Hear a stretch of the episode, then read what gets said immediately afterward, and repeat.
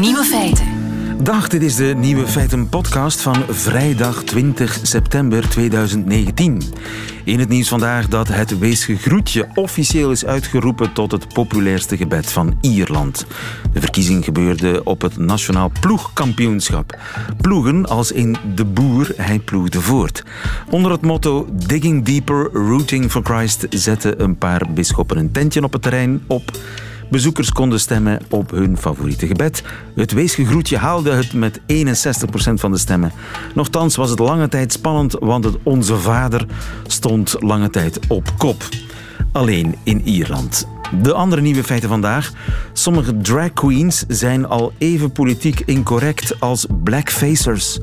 Sander van Horen, de Nederlandse journalist, vermoedt dat er een misdaadgolf van Nederland naar België komt. Keizersnedebaby's starten met een achterstand.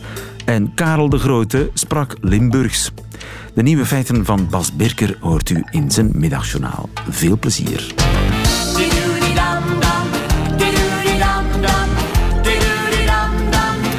Mannen die voor de lol kleedjes aantrekken en hoge hakken en zich overdadig schminken en vervolgens een cliché neerzetten van een vrouw, zijn de kattig, bitchy, dom, sletterig, dat is sociaal volledig geaccepteerd. Maar als diezelfde witte man zich voor diezelfde lol opdirkt en schminkt en een cliché neerzet van een zwarte, dan is dat volledig fout. Vraag dat maar aan de premier van Canada. Maar wat is eigenlijk au fond het verschil? Karen Celis, goedemiddag. Ja, goedemiddag. Politicologe van de VUB, gespecialiseerd in gender en diversiteit. Wat is er gebeurd? De Canadese premier Justin Trudeau zit in bijzonder nauwe schoentjes nadat een foto van hem opdook uit 2001, bijna 20 jaar geleden, waarin hij, hij was toen leraar, als een soort zwarte piet opgedirkt aan een feesttafel zit. Voor die foto heeft de premier zich al uitgebreid geëxcuseerd. I take responsibility for my uh, decision to do that. I shouldn't have done it. I should have known better. Uh, it was something that uh, I didn't think was racist at the time, but now I recognize um, it was something racist to do, and I am deeply sorry. Ik was verkeerd, ik had geen idee, sorry, sorry. Maar Karen, moet ik mij nu ook zorgen maken, want het is lang geleden. Uh, nee, ik heb nooit geblackface, dat heb ik echt nooit gedaan, maar wel gedragged. Het was wel voor een reportage voor de radio. En het moet ook zoiets. In 2001, het was misschien iets later, het is lang geleden. Wat is het verschil? Wel, wel, dat hangt er heel erg uh, vanaf van wat dat de bedoeling was hè, van jouw uh, dragging uh, experience. Hè. Was dat was de bedoeling om, om uittrekking te geven aan jouw fluïde, queer, trans-identiteit? Nee hoor. Hè, dus dat je je eigenlijk identificeerde nee, nee, het, met het, het, was een inleefreportage. Ik wou weten, het was toen heel hip om dragging. Dat, dat, je kon overal naar van die dragavonden. En ik Mhm. wou in plaats van een reportage over, wou ik zelf in de huid kruipen van zo'n drag. Om te checken, wat doet dat met mij? Ik vond het niet leuk, Ja. overigens. Er zijn foto's van, helaas. Eh, nu, eh, en de bedoeling van eh, Trudeau was toch in elk geval niet om te lachen met eh, zwarte mensen, neem ik aan. Wel, eh, de bedoeling in hoofden van eh, Trudeau was misschien inderdaad niet om te lachen met, met zwarte, maar het is natuurlijk wel zo dat heel wat zwarte dat niet langer vinden dat dat om mee te lachen is. Hè. Zij voelen zich daardoor geschoffeerd, gekleineerd, gebanaliseerd en echt beledigd. En dat zijn toch wel eh, reacties die, die dat we ernstig moeten nemen en die dat we in de loop van de jaren ook ernstiger zijn gaan nemen. Ja. Hè, eh, het incident met de blackfacing van Trudeau was inderdaad al bijna twintig jaar geleden. En, en vandaag de dag zijn we toch wel veel gevoeliger gevo- geworden voor dat soort uitdrukkingen van wit privilegie, hè, van eh, racisme. Ja. En dat is een, een evolutie die we ook in, in België zien. Ook wij hebben ons eh, Zwarte Pieten-debat elk Ja. jaar opnieuw. Maar kennelijk is dus de ene parodie de andere niet. Het heeft natuurlijk ook wel te maken met de typisch Amerikaanse geschiedenis. Blackfacing, ja, dat is ontstaan na de afschaffing van de slavernij als een soort van reactie daarop. Het was dus voor de lol ridiculiseren van de mensen die je onderdrukt en die eh, net mm slaaf af zijn. Um, dus het is het ridiculiseren van mensen die je onderdrukt. Dragging is geboren eigenlijk als een soort uh, daad van mensen die precies onderdrukt werden. Het is een onderdrukte minderheid die zich manifesteerde. Dat is een historisch verschil, hè? Ja, dat is een historisch verschil. En wat dat we zeker ook niet mogen vergeten, is dat die blackfacing ook een hele brede maatschappelijke impact had. Terwijl dragging toch nog altijd een, een, een ja, beperkt fenomeen is, dat heel vaak ook in een besloten gemeenschap uh, wordt gedaan, in clubs enzovoort. Uh, en dat is toch wel een heel belangrijk verschil tussen dragging en blackfacing. Ja. dus dat bij uh, echte drag queens, dat zij dus echt wel uitdrukking geven aan een bepaalde fluïde queer uh, genderidentiteit, een transidentiteit enzovoort. Maar natuurlijk, uh, als je je ja, eigenlijk verkleedt als drag, hè, dus als je er geen echte bent, maar doet alsof, en je tapt dan in in een, een heel register van stereotype vrouwbeelden, van, van domme, inferieure vrouwen, seksuele objecten, uh, die met niks anders bezig zijn dan met hun uiterlijk, ja, dan zitten we toch ook wel in het straatje van uh, het, het, het, aanduiden van een inferieure positie van vrouwen in de samenleving. En in dat straatje denk... zitten toch wel een paar drag queens hè, die je op feestavonden tegenkomt. Ja, voilà. En, en uh, je leest, als je daar een beetje rond leest, dan, dan kom je heel snel tegen dat er vrouwen in het publiek zijn uh, die dat eigenlijk niet echt leuk vinden, dat ze op die manier zo gestereotypeerd worden. Heb, heb jij uh, dat ooit gevoeld? Heb jij ooit gêne gevoeld bij het zien van zo'n ja, glitter drag queen op, op hakken van acht, ik zou zeggen 80 centimeter bestaat natuurlijk niet, maar hakken van 20 centimeter zeg maar? Ja, dat is ook al redelijk onmogelijk hoor. Alles boven de 10 wordt behoorlijk uh, kwakkel. Daar mag maar heb jij ooit zijn gevoeld of uh, misogynie, zeg maar, gevoeld? Uh, nee, maar ik heb toch wel heel vaak gedacht van kijk, is, dat, is dit nu echt nodig? dus, dus bij mij passeert het toch ook niet onopgemerkt. Hè? Ik voel mij niet beledigd, maar ik heb wel zoiets van god, moet, moet dit nu echt? Dit is... Dit is ja, niet echt, uh, dat draagt echt niet, niet bij. Kijk, en ik kijk daar natuurlijk ook wel naar vanuit mijn, mijn professionele expertise. En, en wat dat je niet mag vergeten, is dat in België elk jaar tientallen vrouwen uh, om het leven komen als gevolg van femicide, als gevolg van moorden, waarbij het vrouw zijn van het slachtoffer echt een centrale rol speelt. Dus het is eigenlijk niet echt grappig. En ik, zeg, ik wil natuurlijk ook geen echte rechtstreekse band leggen tussen femicide en drag queens. Maar natuurlijk uh, zit je daar wel in eenzelfde hoek van het neerzetten van vrouwen als inferieure wezens. Ja, ja. Dus maar vooral duidelijkheid, we, we hebben het niet... In elke dat is natuurlijk niet het geval in elke act van drag queens. Hè. In de meeste gevallen denk ik dat drag queens echt uh, ja, uiting willen geven aan die fluïde genderidentiteit. En daarmee uh, spelen en maar werken. Toch een waarschuwende en, en vinger dat bepaalt de vormen van drag queenerij toch op het randje zitten van de misogynie en misschien in deze MeToo-tijden ook niet echt meer sociaal geaccepteerd zijn. Ja, en ik vind dat we daar toch eens uh, rustig moeten durven over nadenken. Hè, wat dat de parallellen zijn tussen drag queen en, en uh, dus draggen en, en uh, blackfacing. Ja. Want natuurlijk, als je gaat zeggen van kijk, blackfacing kan niet, want dat is racistisch. En uh, Dragon uh, mag wel, ondanks het feit dat het seksistisch en misogyn is, dan ga je daar een soort hiërarchie aanleggen van racisme uh, is erg en mag niet. En seksisme ja, is niet helemaal oké, okay, maar kan wel. En dat soort hiërarchieën, daar moeten we toch voorzichtig mee zijn. Ja. Ja, ik ga eens heel goed naar die foto's kijken van een, een, een kleine twintig jaar geleden van mezelf als drag. En een gewetensvraag stellen. En misschien moet ik, net als premier Trudeau zeggen. Ik was verkeerd, ik had geen idee. Mhm. Sorry, sorry. Dankjewel, Karen Celis van de VUB in uh, Brussel. Goedemiddag. Nieuwe feiten.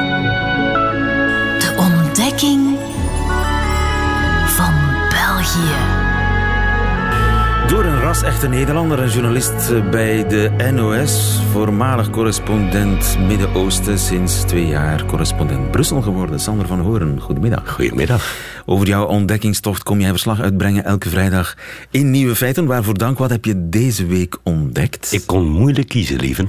Pia. Nou ja, Pia natuurlijk. Ik bedoel, het zal je niet opgevallen zijn in België. En had in Nederland toch ook gekund, hè? Had maar maar dat, dat is de grap. En deze week een aantal dingen waarbij de gelijkenis tussen de beide landen vooral opvalt, soms in de verschillen. En hier heb ik dus ook gezocht van, eh, eh, zouden wij dat ook gedaan hebben? En bij ons is natuurlijk ook wel bekend dat wij ons eh, opeens inzetten voor een kind wat wordt uitgezet. Het goede doel, dat werkt altijd. Zeker in Nederland. Misschien beter, makkelijker zelfs dan in België. Nee, want daar heb ik uh, vorig jaar of twee jaar geleden onderzoek naar gedaan. Naar uh, die eindejaars-evenementen. De, de warmste, warmste week hier, ja. Serious Request bij ja, ons. Ja, en dan blijken toch de Vlamingen guller dan de Walen. En die zijn op hun beurt weer guller dan de Nederlanders. Maar de, wat, wat, wat hier zo overeenkomt met wat we ook in Nederland wel eens gezien hebben... is het de strijd van de groep tegen uh, het grote boze kwaad, wat in dit geval de zelfverrijkende farma-industrie is. Maar dat kan ook een minister van Justitie zijn die een asielzoekertje uitzet, waar we ons dan opeens mee identificeren. Het idee dat je daar als groep wat aan kunt doen, uh, ja, dat, dat zorgt voor een soort warm gevoel. Maar ik kom me ook deze week weer niet, ja, noem het flauw, maar aan de, uh, de, de, vraag onttrekken. Wat zou er gebeurd zijn als het meisje in kwestie, of nou ja, die spreekt niet, want het is een babytje, maar als haar ouders Waals waren geweest en Frans hadden gesproken? Ja, dan hadden de Walen dat maar moeten oplossen. Maar ik, ik heb dus geen onderverdeling gezien. Ik heb echt wel gezocht. Maar is er een onderverdeling? Hoeveel van die enorm veel sms'jes. En ik bedoel, het bezorgt ook mij een warm gevoel hoor. Maar hoeveel kwamen daarvan uit Wallonië? Dat, dat, ik ben het nergens tegengekomen. Overigens, in Wallonië is er een test die de ziekte eerder opspoort. En dus was er eigenlijk geen PIA geweest. Juist, ja.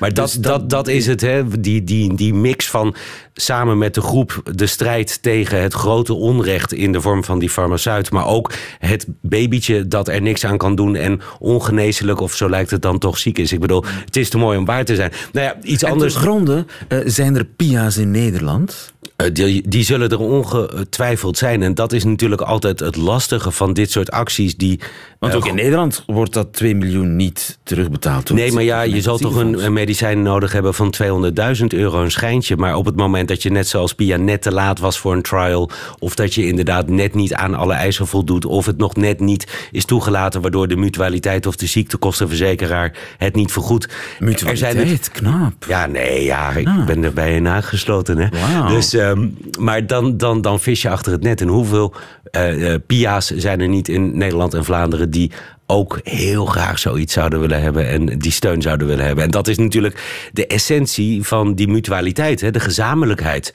mutueel. Ik bedoel, het zal mutueel, Frans heb je het weer, Vlaams-Frans. Maar in elk geval die mutualiteit. Het collectief zorgt voor het individu.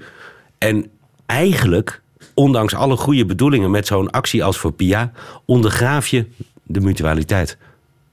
Maar goed, dat was een van die vergelijkingen. Verder heb ik me deze week natuurlijk zitten verkneukelen aan, uh, volgens mij stond het in het nieuwsblad, de notie daar waar uh, uh, België over vijf jaar een tekort op de begroting van 12 miljard heeft. Nederland er zomaar 12 miljard op overschot Haal heeft. die grijns van je gezicht. Ja, het is moeilijk. Het is heel moeilijk. Maar dan toch, dat was nog net niet uit de krantenkoppen verdwenen. En de grijns kwam omgekeerd op het gezicht bij jullie. Namelijk um, op het moment dat ook wij serieuze problemen bleken te hebben. En ook wij uh, een, een, een gruwelijke moord hebben op een advocaat van een kroongetuige in een groot strafproces tegen een meedogenloze crimineel. En dat zijn dingen die je uh, normaal gesproken in Antwerpen verwacht. Waar natuurlijk de granaten gegooid werden en ook al af en toe schietpartijen zijn. Ja, maar, maar nu was het politieke in... moorden hebben, daar hebben wij geen traditie nee, het is geen politieke moord, hè, ja, dit. Juist, maar, het is, maar het is een criminele moord, maar wel een van de gruwelijke soort. Hè. Dus de advocaat van een kroongetuige. Dus een kroongetuige, ik weet niet of het hetzelfde woord is in het Vlaams... maar dat is iemand die dus inderdaad uh, uh, getuigt van binnen het netwerk tegen de leider van het netwerk.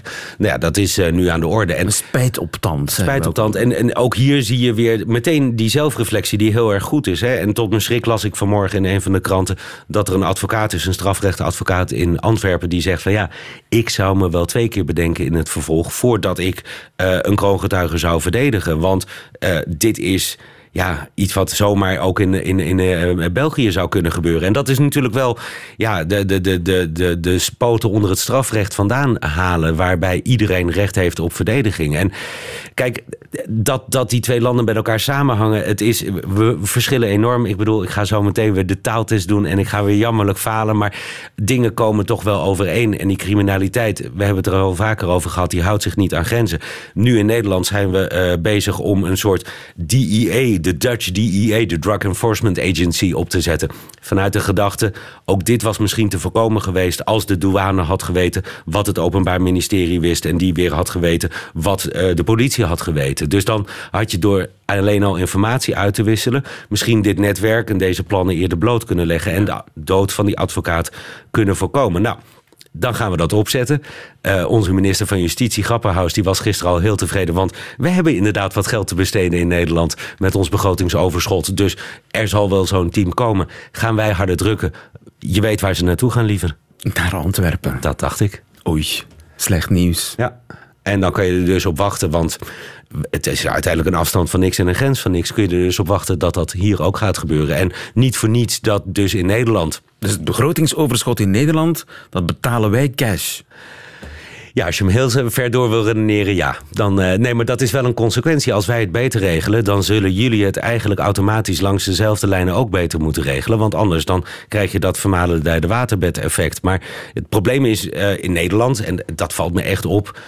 Um, en en vergelijkbaar misschien met wat. Nou, nee, je kunt Dutroux niks vergelijken, dat besef ik ook. Maar die schok in de samenleving, dat zie je nu toch ook in Nederland. Het is een moord. En zware criminaliteit is niet nieuw. Ik bedoel, we zijn net klaar met het maar proces. Maar advocaat die omgelegd maar wordt. Maar we zijn net klaar met het proces nieuw, tegen Willem Holleder. Uh, die dus inderdaad ook bedreigingen uitte richting zijn eigen zus. Dus het is ons niet vreemd. Maar toch elke keer weer, omdat dit zo groot is, vergelijk het met een vliegtuigongeluk. Terwijl als jij zo meteen in het verkeer op de fiets stapt of in de auto, loop je meer risico. Maar een vliegtuigongeluk trekt aandacht en schokt de samenleving. Hetzelfde nu in Nederland. Mensen lijken het idee te hebben dat er een soort Nederland is waar we geen grip op hebben, waar we eigenlijk geen weet van hadden, maar wat er wel degelijk is, wat misschien wel heel erg groot is, ik denk het niet, maar wat misschien wel heel erg groot is en waar je nu mee geconfronteerd wordt.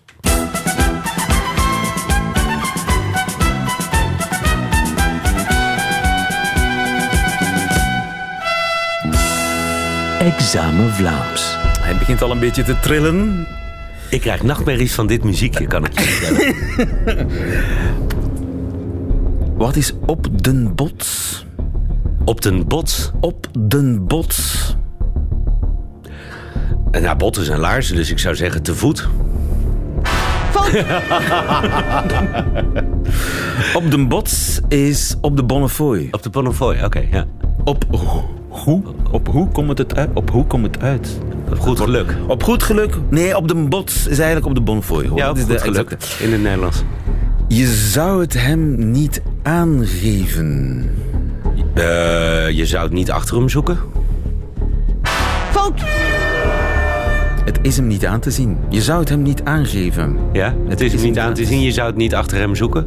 Oh, je zou het niet achter hem zoeken. Dus ja. het was eigenlijk toch goed. Ja, dankjewel. Dat is helemaal goed. Want ik had eigenlijk jou, uh, je zou het niet achter hem zoeken. Dat, die uitdrukking ken ik niet. Nee. Dat betekent dus eigenlijk, je zou het hem niet aangeven. Ja. Het is hem niet aan te zien. Ja.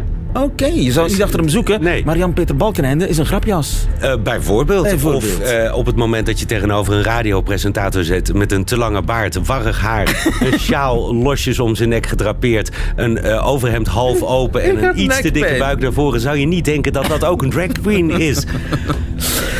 De ter zake, de ziekenkast komt 30% tussen. Uh, vergoed 30%. Oké, okay, helemaal goed. Maar door de context. Dat is helemaal hoor. goed. Als ik van u was.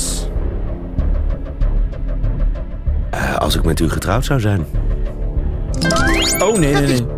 Fout. Als ik van u was, is fout. Ja, wat... Uh...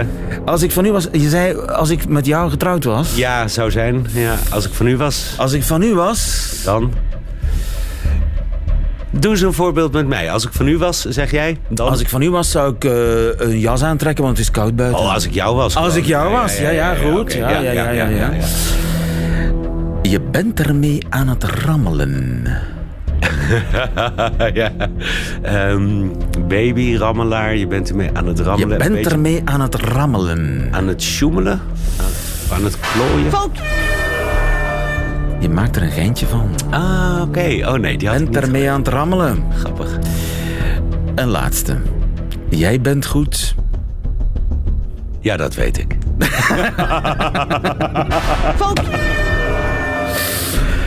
Jij bent goed. Ja, of dus niet goed eigenlijk. Ja. Dat betekent eigenlijk zoiets als, nou bedankt. Ja, ja, ja, ja. Jij bent, nou wordt hij mooi. Ja, ja, ja, ja. Okay. Je bent goed. Zeggen wij... Mij hier laten zitten met al dat werk. En jij vertrekt met vakantie. Jij bent goed. Mooi is dat, zouden wij zeggen. Mooi is dat, inderdaad. Jij bent goed. Ja, het, is een, het, het was uh, absoluut geen afgang, vond ik. Uh, nee, maar... Nee, gezien de moeilijkheidsgraad. Maar je ziet hoe belangrijk, en dat is natuurlijk altijd metaal, de context is. De context is alles. Dankjewel. Radio 1.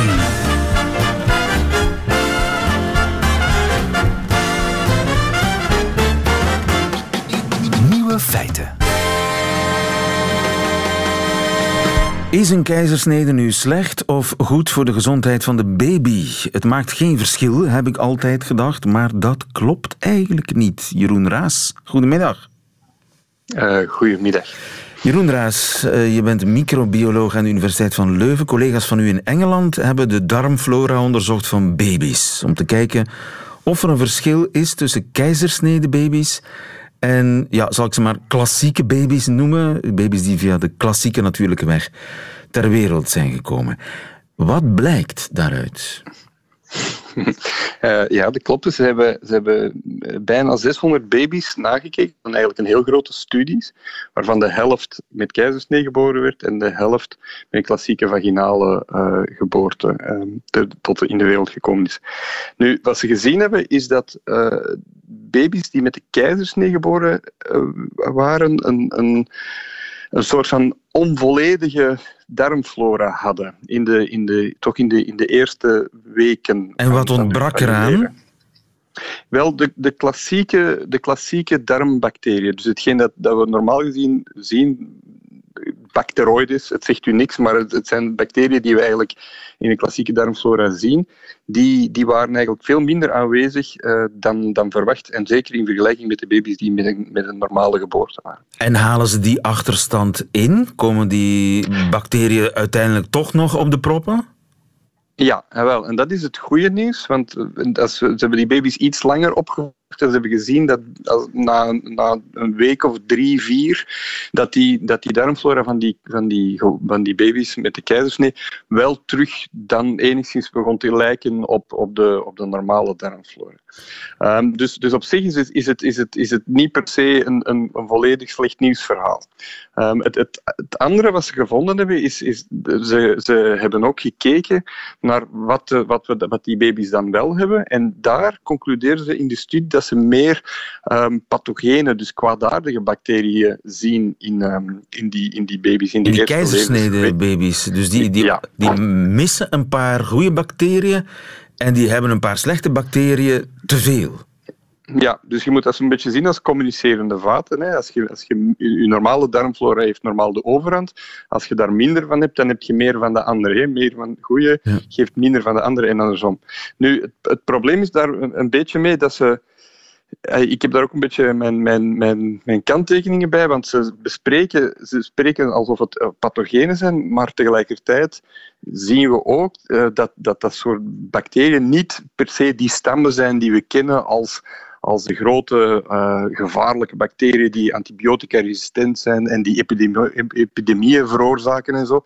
Het zijn, het zijn bacteriën die van diezelfde familie zijn, die misschien het potentieel hebben om, om, om minder goed te zijn, maar het zijn niet echt, niet, ook niet echt de grote ziekteverwekkers. Hè. Dus het is zo'n beetje een, een genuanceerder verhaal in mijn ogen uh, dan, dan wat er een beetje van, op dit moment van die studie gemaakt wordt. Maar het, toch lijkt het vreemd dat de darmflora van een baby bepaald wordt of hij door al dan niet door het, de, het vaginale kanaal te zwemmen. Ja, ja, dus dat is een, dat is een onderwerp dat al, dat al een tijdje de ronde doet in, in, in, in, ons, in ons vakgebied. Um, de, de idee is dat je, je oorspronkelijk je eerste darmflora eigenlijk krijgt van je moeder. Uh, en dat dat en daar begint de controverse, dat dat tijdens eh, de geboorte zou gebeuren, dat die transmissie uh, op dat moment gebeurt. Als een baby door dat kanaal gaat, krijgt die vaginale flora, fecale flora van die moeder binnen. Uh, en, maar dat dat eigenlijk een natuurlijk proces zijn, zou zijn om, dat, om, die, om die darmflora van die baby eigenlijk een, een eerste start te geven. Ja, want dat babytje, dat zit daar een tijd. Dat, dat gaat niet in, uh, in een paar seconden. Hè. Dat, is, dat nee, dat er niet uit. Dat, ja. dat. Het verblijft een tijdje in dat kanaal. Ja. En, en dan en gebeurt dus, er een soort uitwisseling.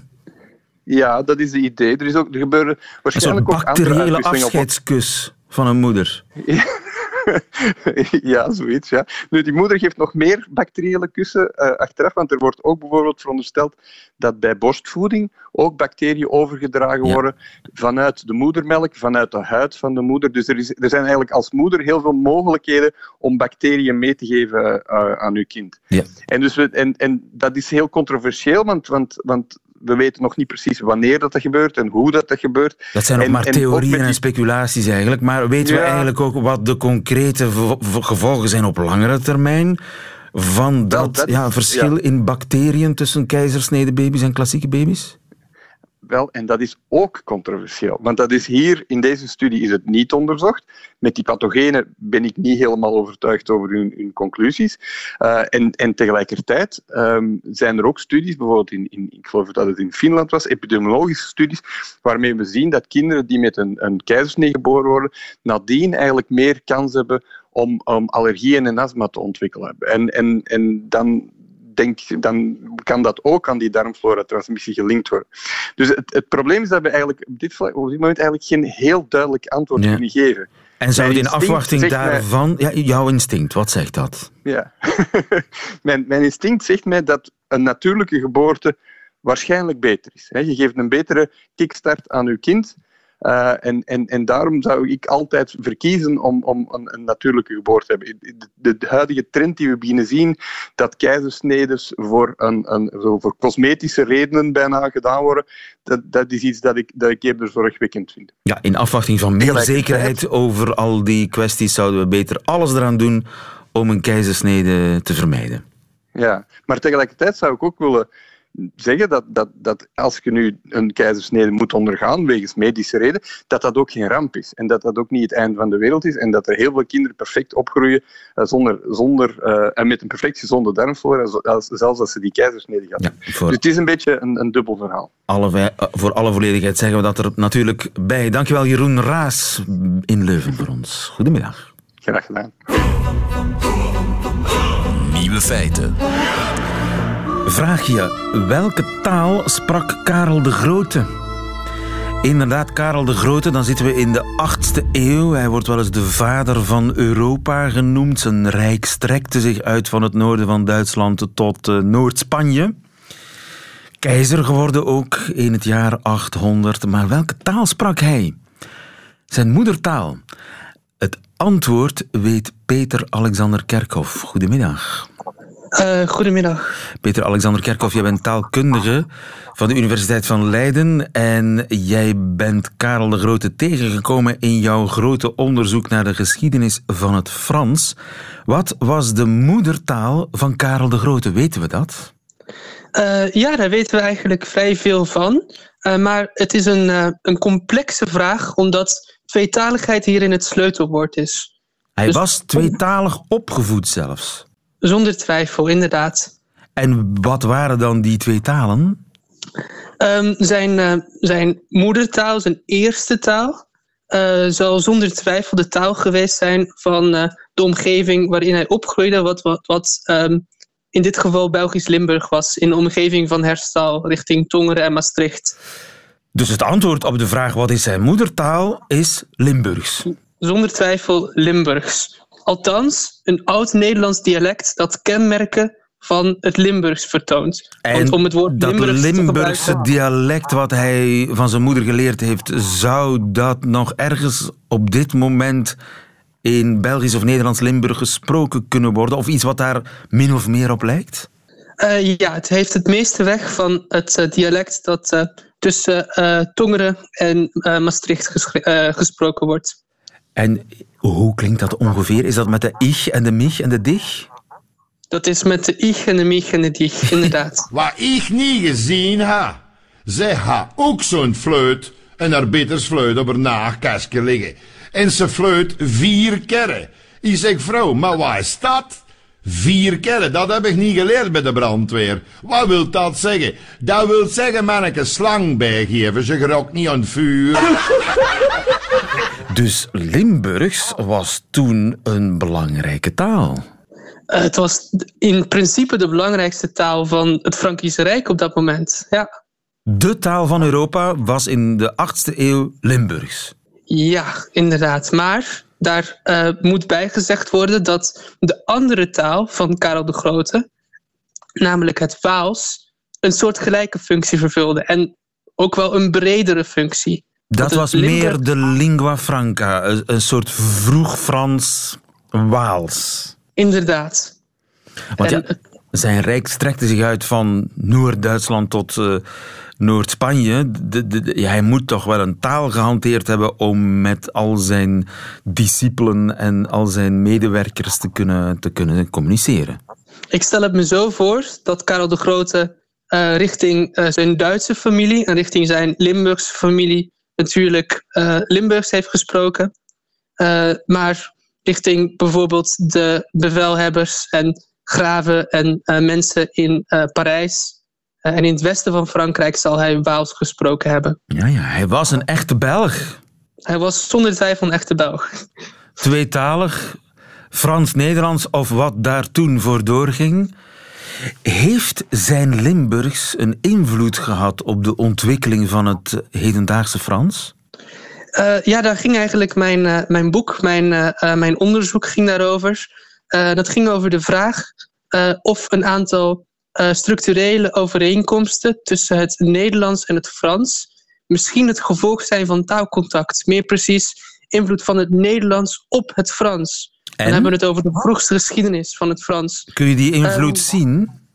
Ik, ik denk dat die invloed die vaak betwijfeld is, dat die heel mooi te verbinden is aan uh, het feit dat de familie van Karel de Grote in uh, de vroege 8e eeuw, dan hebben we het niet over Karel de Grote zelf, maar over zijn grootvader, eigenlijk iedereen in het westen van Frankrijk die ertoe deed, dus de hertogen en de bisschoppen, vervangen heeft door mensen uit, uit België, door mensen uit uh, de Maasvallei.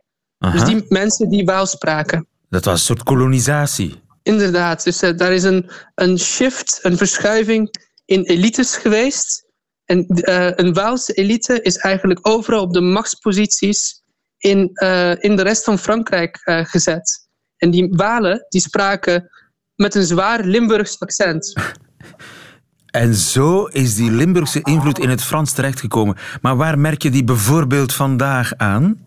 Een mooi voorbeeld is dat het Frans een persoonlijk voornaamwoord nodig heeft voor het werkwoord. Dus in het Nederlands zeggen we ik zeg. En in het Frans zeg je je dis. En dat verschilt heel wezenlijk van alle andere Romaanse talen. Waar je met Italiaans dico en Spaans digo eigenlijk genoeg hebt. Juist, dat is een van die structurele komsten. Dus je zegt uh, in het Italiaans zeg je uh, sono. Uh, en in het, in het Frans is je suis. Dus daar heb je die Inderdaad. je nodig. En in, in Italiaans en Spaans zit dat persoonlijk voornaamwoord zit al in het werkwoord. Helemaal correct. En dat is dus eigenlijk allemaal te danken aan het Limburgs van Karel de Grote. Ik denk dat heel wat ja, gezwel bezig is op dit moment rond de Maasvallei. Ze mogen daar met recht en reden trots zijn op de invloed van hun Karel de Grote en hun Limburgse dialect op uh, het huidige Frans bijvoorbeeld. Dankjewel. In uh, Leiden voor ons Peter Alexander Kerkhoff. Goedemiddag. Graag gedaan. Nieuwe feiten. Middagjournaal. Liefste landgenoten. Terwijl u deze vanmorgen ingelezen bijdrage beluistert, zit ik samen met een vriendin te lunchen in Brasserie het Middenstandshuis in Eeklo. Het zou wel eens de laatste keer kunnen zijn. Begrijp me niet verkeerd, de ribeye is hier prima en het is niet ons idee om onze vriendschap te beëindigen, maar wel het plan van kanker. Ik heb haar nooit zonder geweten. Voor mij is de ziekte een deel van haar. Voor haar ook. Met dat verschil dat zij ermee moet leven en ik het met de regelmaat van de klok vergat. En ik was niet de enige. Het klinkt bijna mooi om niet constant als slachtoffer bekeken te worden, maar mensen zijn weinig begripvol als je met een volle dos haar en een weldoorvoed lichaam maar halftijds werkt vanwege je ziekte. Alsof je pas echt ziek bent als je eruit ziet als het buitenechtelijk kind van hongersnood en slechte smaak. Een paar eensgezinswoningen heeft haar strijd ons allemaal gekost. Al moet ik bekennen dat ik strijd een raar woord vind. De patiënt strijdt niet. De al dan niet experimentele medicijnen strijden. De patiënt ondergaat en hoopt op het beste. Het is geen dappere strijd, het is een ongelukkig lot met een onvermijdbare uitkomst. Begin juni kwam die uitkomst. Niets werkte meer tegen de uitzaaiingen. Chemo en bestralingen hadden meer kwaad dan goed gedaan. Niet alleen zag ze er ineens uit als een kankerpatiënt, vooral was ze nu echt ten dode opgeschreven. Een feest werd vervroegd omdat ze het eind van de zomer niet ging halen. Ze was zo terminaal dat de Oncoloogstichting ambulancewens regelde om haar nog één keer naar Rockwerchter te brengen. Tranen met tuiten hebben we gelachen om het feit dat ze een kankerpatiënt naar de Cure gingen brengen. En nu is het september. Ze is vervangen op haar werk en de huur is opgezegd. Het leven staat stil. Zo stil dat zelfs haar kanker heeft besloten de groei te pauzeren. Ineens weet ik hoe we zijn gekomen aan de term zich doodvervelen. Misschien moeten we eens een inzamelingsactie organiseren om activiteiten te regelen voor mensen die langer leven dan verwacht. Ziek zijn is duur, maar leven is duurder. En het wordt niet vergoed door de ziekenkas. Ik weet niet hoeveel een mensenleven mag kosten. En ik heb geen idee van het prijskaartje van een extra maand of twee. Maar ik weet wel dat ik liever failliet aan een ribeye zit dan met een goed gevulde portemonnee aan een koffietafel.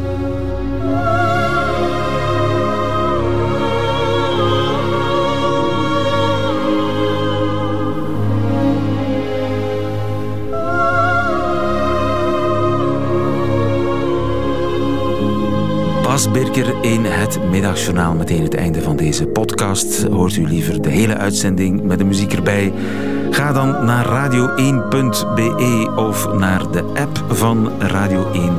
U vindt nog veel meer fijne podcasts op uh, onze site en op alle mogelijke andere podcastkanalen. Zoals daar zijn ook Spotify. Tot volgende keer.